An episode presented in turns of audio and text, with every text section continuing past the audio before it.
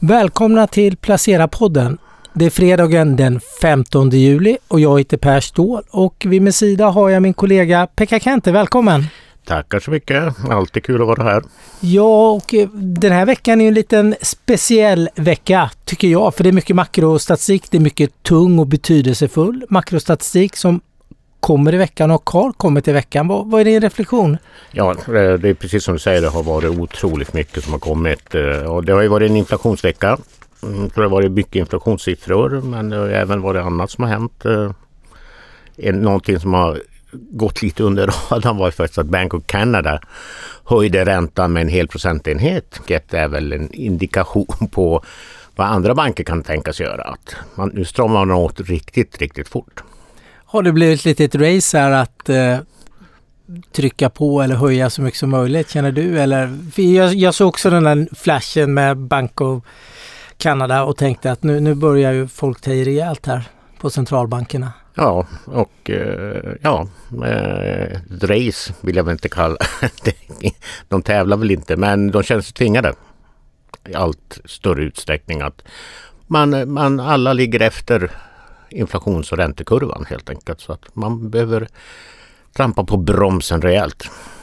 Eh, bara innan vi går vidare. Jag, jag läste en liten not från en eh, en holländsk bank som jag läser väldigt mycket makro ifrån faktiskt. De skrev en liten intressant sak som inte jag tänkt på så mycket. De skrev att eh, Riksbanken får, har lite av ett dilemma för de har färre möten kvar än de andra stora bankerna med tanke på senaste mötet som var i juni. Ja. Att det, det, skapar ett litet problem för de menar att ECB kommer att kunna höja mer för de har två möten före nästa riksbanksmöte och så mm. vidare. Det dröjer ända till 20 september nästa räntebesked. Och efter den här inflationssiffran som vi fick nu i veckan med en inflation på eh, KPF då, på 8,5 procent och räknar man bort energipriserna så var den ändå på 6,1 procent. Så lite panik tycker jag att de borde ha på Riksbanken. Och jag tycker ju att eh, 20 september är för långt fram. Jag tycker att de borde lägga in ett, ett penningpolitiskt möte kanske i i augusti och eh, köra lite lugna räntehöjningar. Väl lugnt idag? Jag ja, menar, det, nu men känns alltså, ju kanske inte 25 punkter känns så lugnt heller längre. Nej, det är 50 punkter då. Men eh, hellre det att köra två 50 punkters höjningar än att drämma till med jättehöjning i september. Att vi får en, en, ja. en, Bank of Canada-grej ja, med 100 punkter. Ja. Jag menar man efter den här inflationssiffran så eh, prisar man in en räntehöjning med 85 punkter då. 0,85 mm, procentenheter. Då. Så att det, man börjar spekulera i en, i en så pass hög räntehöjning. Alltså, så sannolikheten, man kan ju översätta det till att sannolikheten för räntehöjning med 1 procent är ungefär 40 procent. Men eh, jag tror att det skulle vara mm, klokare att lägga in ett... Jag menar, det är ingenting som marknaden får panik för att de råkar lägga in ett extra möte utan det är ju alla är medvetna om att det här räntemötet ligger så pass sent. Så, men eh, antingen eh, tidigare möte, 50 punkter. Sen får man se vad, man levererar i september. Dröjer det till september så blir det minst 75 punkter. Vad, vad, vad tyckte du om den amerikanska inflationssiffran? Ja, var, det, var den så mycket bättre eller sämre än den svenska? Ja, nej, det, det, den var ju definitivt i, i kategorin sämre. Återigen överraskade alla på uppsidan. Och eh, det spekulerades ju också kring eh, högre räntehöjningar. De kom med sitt besked den 27 juli. Men eh, jag tror på 75 punkter. Och det var de signalerna som skickas ut från eh, ledamöter i, i, deras direktion igår att ja, 75 punkter är huvudscenariot fortfarande. Men efter att, för att, efter att Bank of England, Bank of Canada förlåt, höjde med 100 punkter så, så började det direkt spekuleras att även Federal Reserve skulle göra detsamma. Men det har man tonat ner nu lite grann. Hur har marknaden reagerat på inflationssiffrorna tycker du? Jag tänker på amerikanska lång och korträntor, det pratade vi om förra gången. Mm. Eh, vad, vad, hur, hur, hur, har marknaden, hur har marknaden tagit det här om man tittar på räntemarknaden? Ja, det, på den korta sidan eh, då har man ju skruvat upp eh, förväntningarna på, på kommande räntehöjningar, alltså under 2022. Däremot så tror man ju att, man kommer bromsa som, att det kommer bromsa ekonomin så mycket att eh, man kommer tvingas till ganska drastiska räntesänkningar redan under 2023. Och vi ser ju också på att efter det här så sjunker långräntorna i USA. Och vi har ju tjatat om att oj, när långräntorna stiger, att börsen ska bli nervös för det. Och nu när långräntorna sjunker så säger vi också att börsen ska bli nervös för det. Det scenariot har ju ändrats nu för att nu är ju sjunkande långräntor en signal om ett kommande recessionshot. Liksom. Ja, och det verkar ju, om man tittar på råvaror, råvarupriser och eh, energipriset då som, eller oljepriset då som är den stora eh, råvaran som man handlar väldigt mycket och en stor likvid marknad. Den har ju gått ner ganska mycket nu så jag på senaste månaden eller någonting. Även, även Biden var ju ute och kommenterade inflationssiffrorna så. Jag menar att eh, de inflationssiffrorna som vi får nu det är gammal data liksom. Det har hänt ganska mycket. Eh, råvarorna är ner, matpriser är ner. Eller då menar han havre och vete och majs och sånt har kommit tillbaka lite då. Vad, vad, hur känner du kring det? Och, är, det är det en tydlig recessionssignal? Och en stark dollar. Eh, ja, det är oron för, för en svag tillväxt som driver ner priserna. Sen vart det väl lite, ska vi kalla det overshooting i samband med att ryska invasionen av Ukraina. Liksom. Och det stod ju inte riktigt klart då för alla hur, hur det skulle slå på råvarumarknaden. Men nu verkar det som att eh, bra skördar till exempel i Australien samtidigt som Ryssland har hittat andra vägar att exportera sin olja. Eh, så att eh, men visst är oron för en svagare tillväxt under 2023 som, som eh, ligger bakom mycket av prisnedgången. Jag tänker på lite annan sak. Dollarn är ju så enormt rekordstark nu. Eh, vi har ju sett nu att eh, det är paritet mellan euron och dollarn. Japp. Vad, vad har du för tankar kring det? Är det tillfälligt eller är den här för att stanna ett tag? Den är här för att stanna ett tag. Dels för att den amerikanska centralbanken ligger före med sina räntehöjningar. Och dels för att man faktiskt ser ett, ett påtagligt recessionshot i, i Europa. Jag menar vi, vi, ser, vi är precis mitt inne i en ny gaskris. Visserligen beror den på liksom underhåll av den ryska pipelinen och sådär. Men man är ju rädd att Putin ska strama åt ordentligt och vi har ju en vinter som kommer så småningom. Eh, så att, och det kan ju slå otroligt hårt mot till exempel tysk ekonomi, eh, pratas om ransonering. Eh, mm. Så att eh, man är både rädd för, en, för eh, snabba räntehöjningar i USA och kanske ett ännu större recessionshot i Europa än i USA. Hur tänker du då större? Blir det en djupare recession? Blir det mer långvarig? Eh, ekonomin mindre dynamisk? Eller vad, vad, vad har du för tankar kring det är större osäkerhet kring europeisk ekonomi skulle jag säga. Eh, vi vet inte hur den här energikrisen kommer att slå. USA kan, är det lite enklare att eh, se, se förloppet framför sig. Alltså att det blir räntehöjningar som stramar åt för, för både hushåll och företag. Men då har man chans att parera det framöver med, med eh, räntesänkningar. Om, om det skulle visa sig bli en riktigt djup kris. Men i Europa så vet vi inte.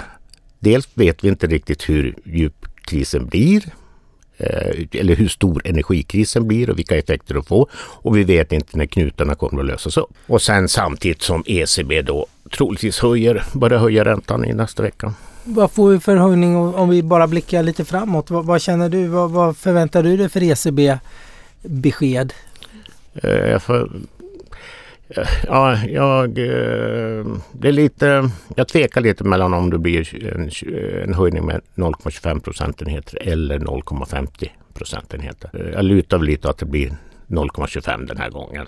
Är inte det väldigt, vad ska man säga, passivt på något sätt? Ja, men ECB är ju lite passiva. Och, och Dessutom är man ju orolig för det här med spridningseffekter från ja, att, eh, att räntemarknaden ska gå lite i spinn när det gäller till exempel italienska statsräntor och annat. Men man ska ju också lansera den här nya modellen för obligationsköp som ska hålla nere räntespreadarna i EMU-området mellan länder.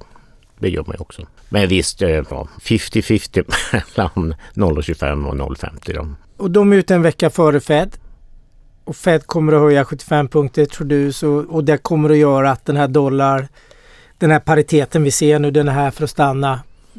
för, för ett tag. V vad är dina tankar kring svenska kronan? Jag vet att du har pratat lite om worst case kan den handlas till 11 både till dollarn och euron.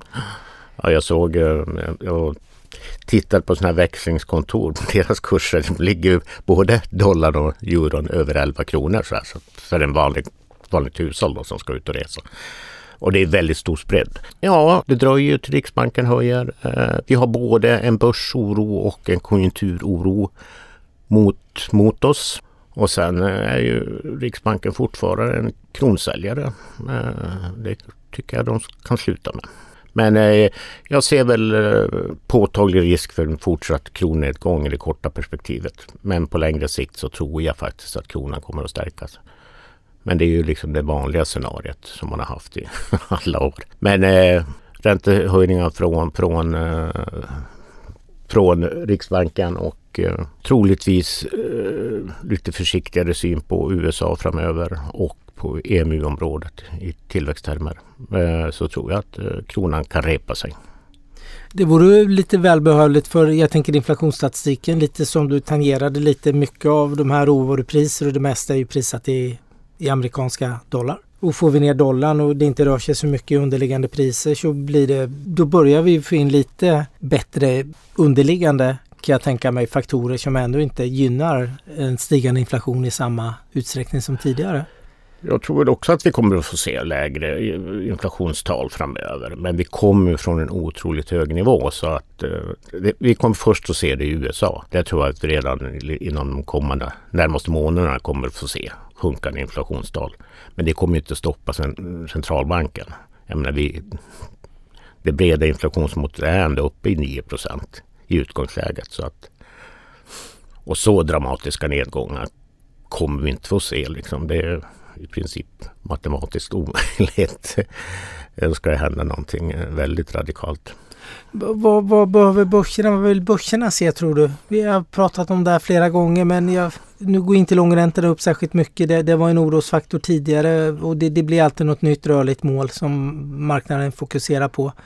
Men vad känner du kan vara lite vändpunkten? Vändpunkten är ju när man börjar se att centralbankerna klarar med sina räntehöjningar, tycker jag. Och dessutom givetvis att, att vi inte får se en djup konjunktursvacka. För att det är ju recessionsoron mer än ränteoron som påverkar börsen just nu. Och det är oron för att man vet inte hur djup eh, konjunkturnedgången blir? Nej, precis. Om man, eller hur mm. lång den blir. Hur djup och hur lång, hur Nej. utdragen den blir då? Och eh, förutsättningarna är bättre än tidigare för att det ska bli en relativt kort och mild nedgång. Men eh, IMF var ute och pratade igår och pratade om ett påtagligt recessionshot i USA till exempel under 2023. Då. Och alla prognoser pekar ju åt det hållet. Liksom att... men, men hur lång eh, recension pratar de om? Du, du säger att mer normalt. Vad, vad, vad är det? Vad är vad pratar vi om för tidshorisont? Ja, men alltså att 2023 blir lite av ett förlorat år men att man kan börja blicka mot liksom en vändpunkt mot slutet 2023 och lite positivare tongångar för 2024. Och 2023 och, får vi också, förlåt, men då får mm. vi även räntesänkningar ja, och den här typen av åtgärder då från centralbanker. Mm. Och då borde ju börsen reagera positivt. Framförallt nu när värderingarna har kommit ner ordentligt och sådär. Men på kort sikt får man ju räkna med en skakig resa liksom. Vi har ju många gånger hoppats att okej, okay, nu har värderingarna kommit ner så långt. Nu, nu är det upplagt för en rekyl. Men vi har blivit besvikna varenda gång. Och juni var ju en riktig tryckare för börsoptimisterna. Liksom. Ja, men jag tror att det var en tryckare för nästan alla. För jag tror att många, även halvpessimisterna eller sådär, var lite förväntningar på att det skulle vända i juni lite. För det kändes ju så himla nedtryckt tyckte mm. jag när vi gick in i juni. Och det var lite optimist, mm. optimism i slutet på maj där. Och nu kan vi ju se då om, om vi tittar från, från liksom, vad som har hänt i juli och sådär och under senare delen av juni också så så är det ju lite stabilare på världens börser trots allt. Ja, det slog mig för jag satt och tittade på fondutvecklingen nu och det, det var ganska, förutom dollareffekten som är påtaglig, den, den var upp i alla fall per igår och rullande 30 dagar, den var upp någonstans runt 4% mot kronan har stärkt så pass mycket och euron var i princip flat. Men eh, vad jag tänkte på det var att börserna, det var inte så himla stor spridning egentligen. Det, det var, de är plus fyra, många var flat i princip. Det, eh, även USA, globalindex, Stockholm var ner någon procent men det, det var inga, inga stora stora skillnader. Nej, och tittar man på om vi den senaste liksom 30 dagars perioden då. Eh, om vi tittar på MSCI-index då som är vanligt index att titta på då. Så tittar man på de utvecklade ekonomierna eller developed markets som man kallar det så är det, så är det ju liksom plus 0,5 då i genomsnitt. Och så precis som du säger inte särskilt stor spridning. Det är väldigt få börser som faller rakt igenom eh, ramen. Det är väl kanske Australien då, och Kanada som är, har drabbat lite av prisnedgången på råvaror. Men annars är det ganska jämnt. Då. Det är väl en hoppingivande signal även fast jag inte törs blåsa faran över. Ja, så, jag, jag, tycker jag tolkar det precis som dig att det är lite hoppingivande. Det är lite, det är lite mark under fötterna eller man ska säga. Sen upptäckte jag en annan sak. Det fanns ett, ett bransch, branschfonder, en smal branschfond som har gått väldigt bra nu. Och det är bioteknik som är en undersektor eller ett mm. underindex då till, till breda hälsovårdssektorn då som ett huvudindex.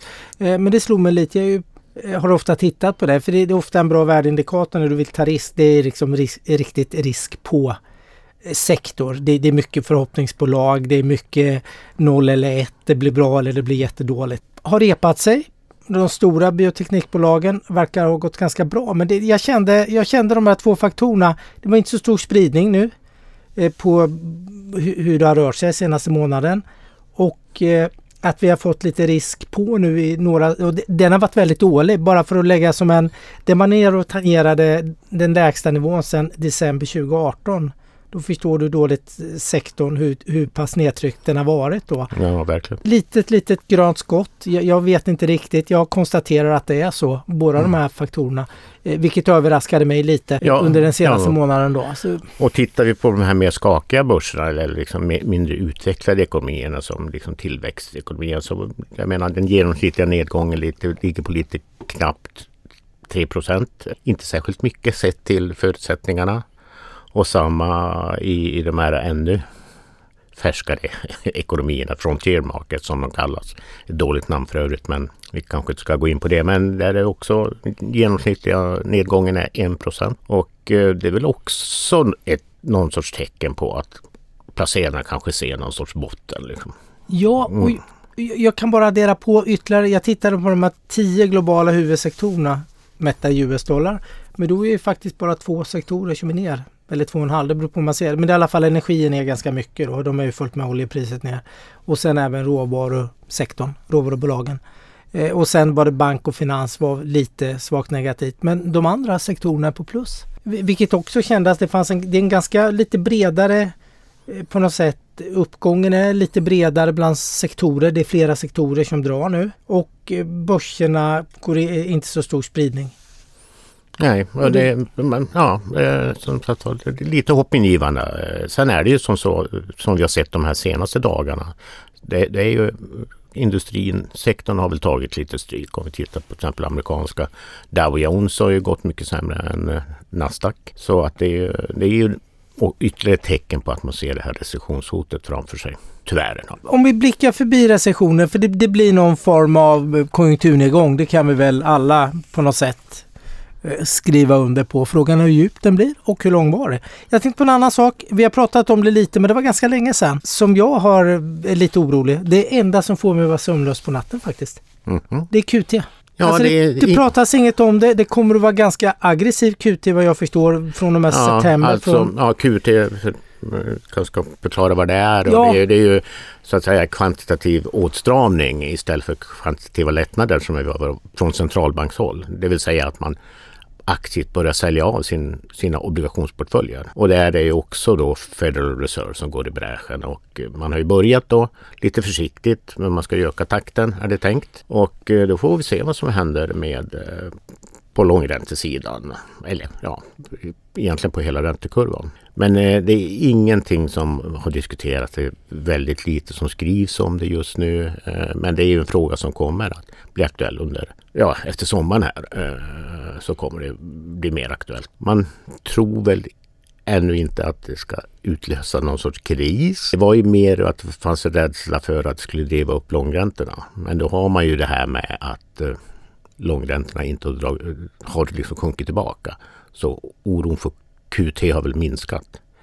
Eh, men det är en fråga som kommer att dyka upp igen. Eh, det är ganska mycket pengar trots allt som ska dras bort från marknaden. Är det i september man börjar se någon stor effekt? Eh, ja, juni, juli, augusti eh, skulle ju vara ganska försiktiga försäljningar och eh, ECB har väl inte ens startat än.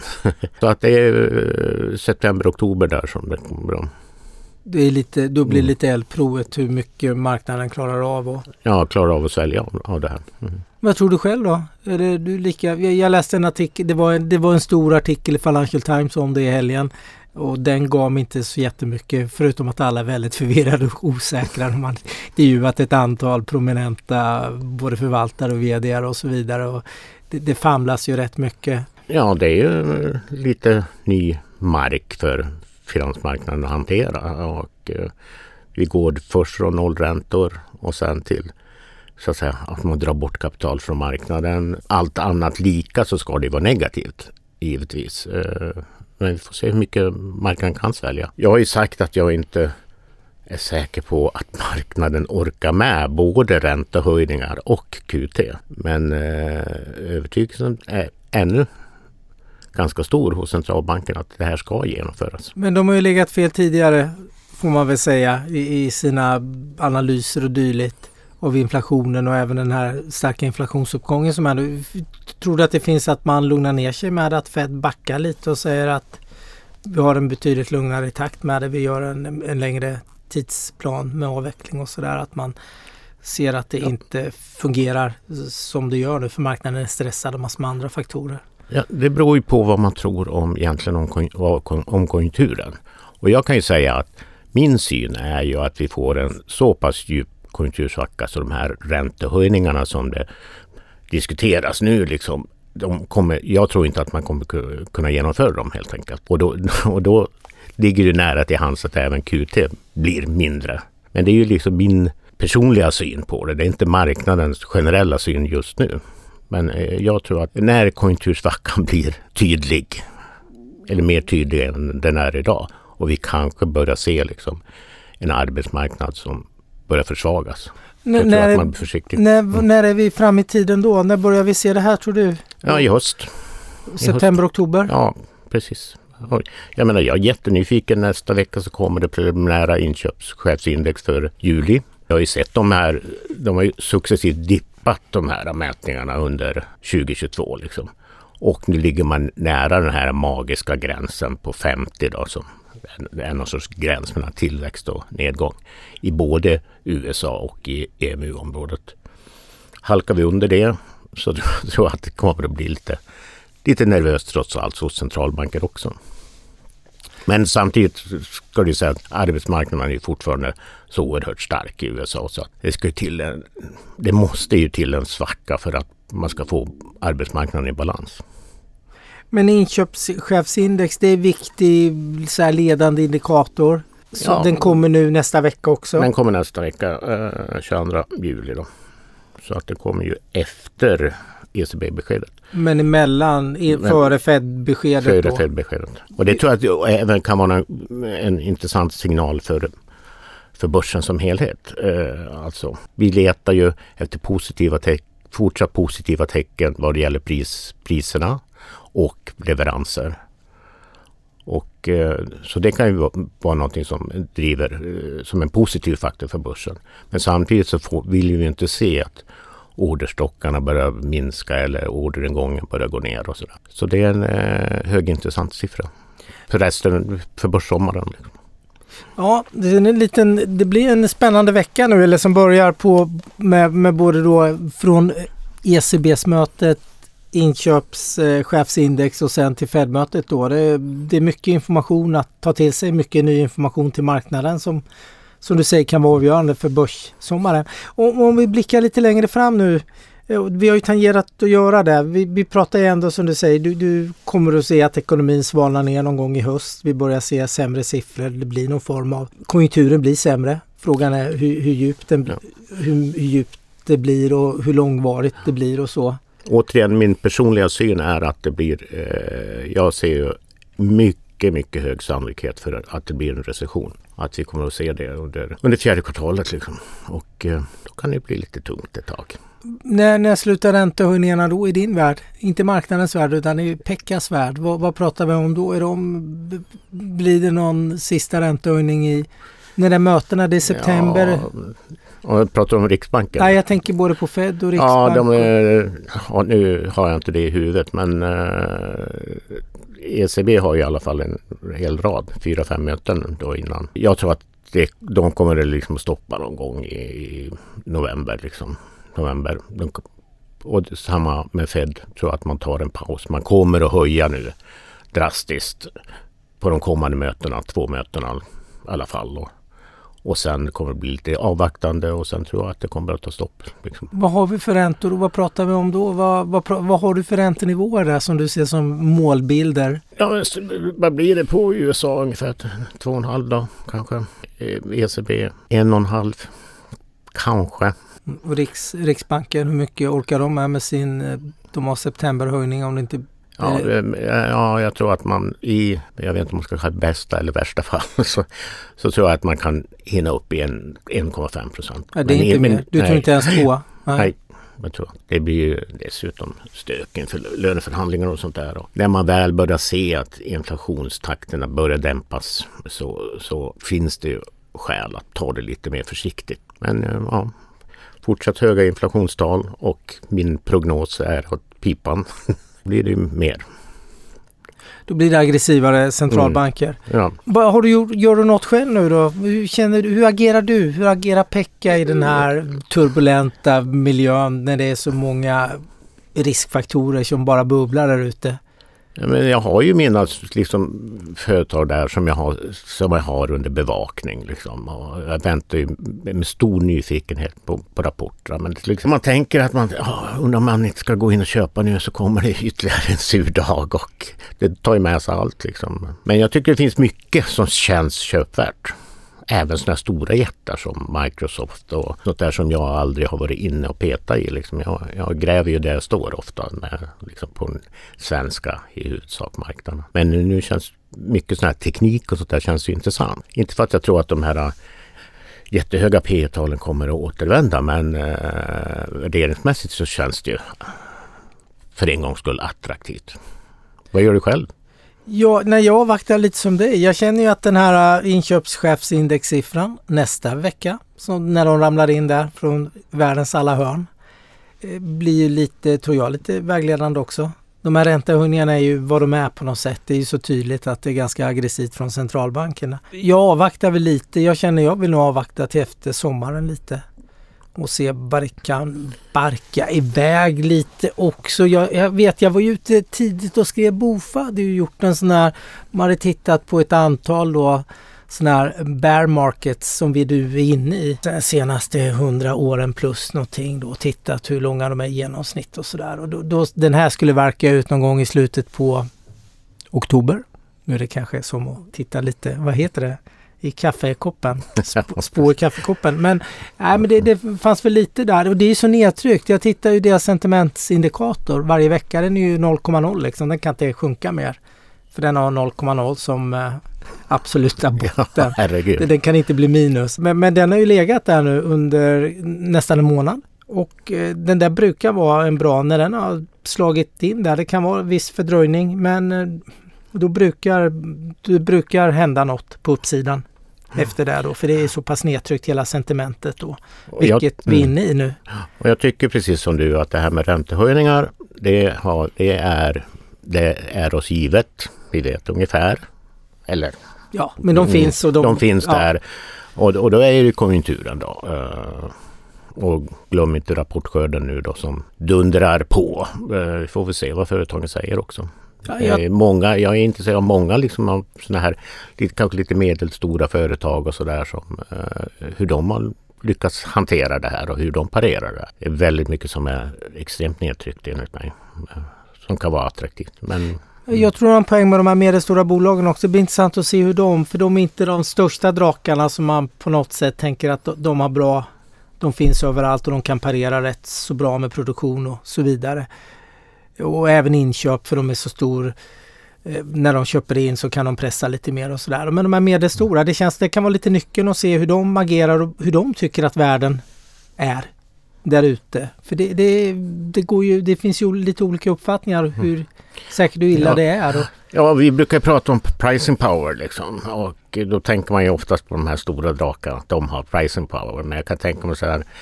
Man kan ju ha pricing power på sin, i sin nisch eller sin, på sin lokala marknad. Och, och det pratas ju en del om, eh, om att företag passar på att höja priserna mer än vad som krävs egentligen. Vi får se om det är sant. Eh, men sådana kan ju dyka upp. Så rapportperioden blir eh, högintressant många aspekter och som sagt var nästa veckas konjunktursiffror. Men eh, precis som du, jag vill, jag vill inte sitta framför en skärm i sommar och vara nervös och eh, känna att jag måste handla utan det, jag tar det lite lugnt om jag råkar missa några procents uppgång så får det vara så. Jag tyckte det blev en bra avslutning Pekka. Ja, jag drar ju på semester nu så. Ja men precis, jag gör ju också det imorgon. Jag är ju tillbaka lite före dig men eh, trevlig semester. Tackar så mycket. Och, eh, tack för ni som lyssnade. Tack och hej. Hej då.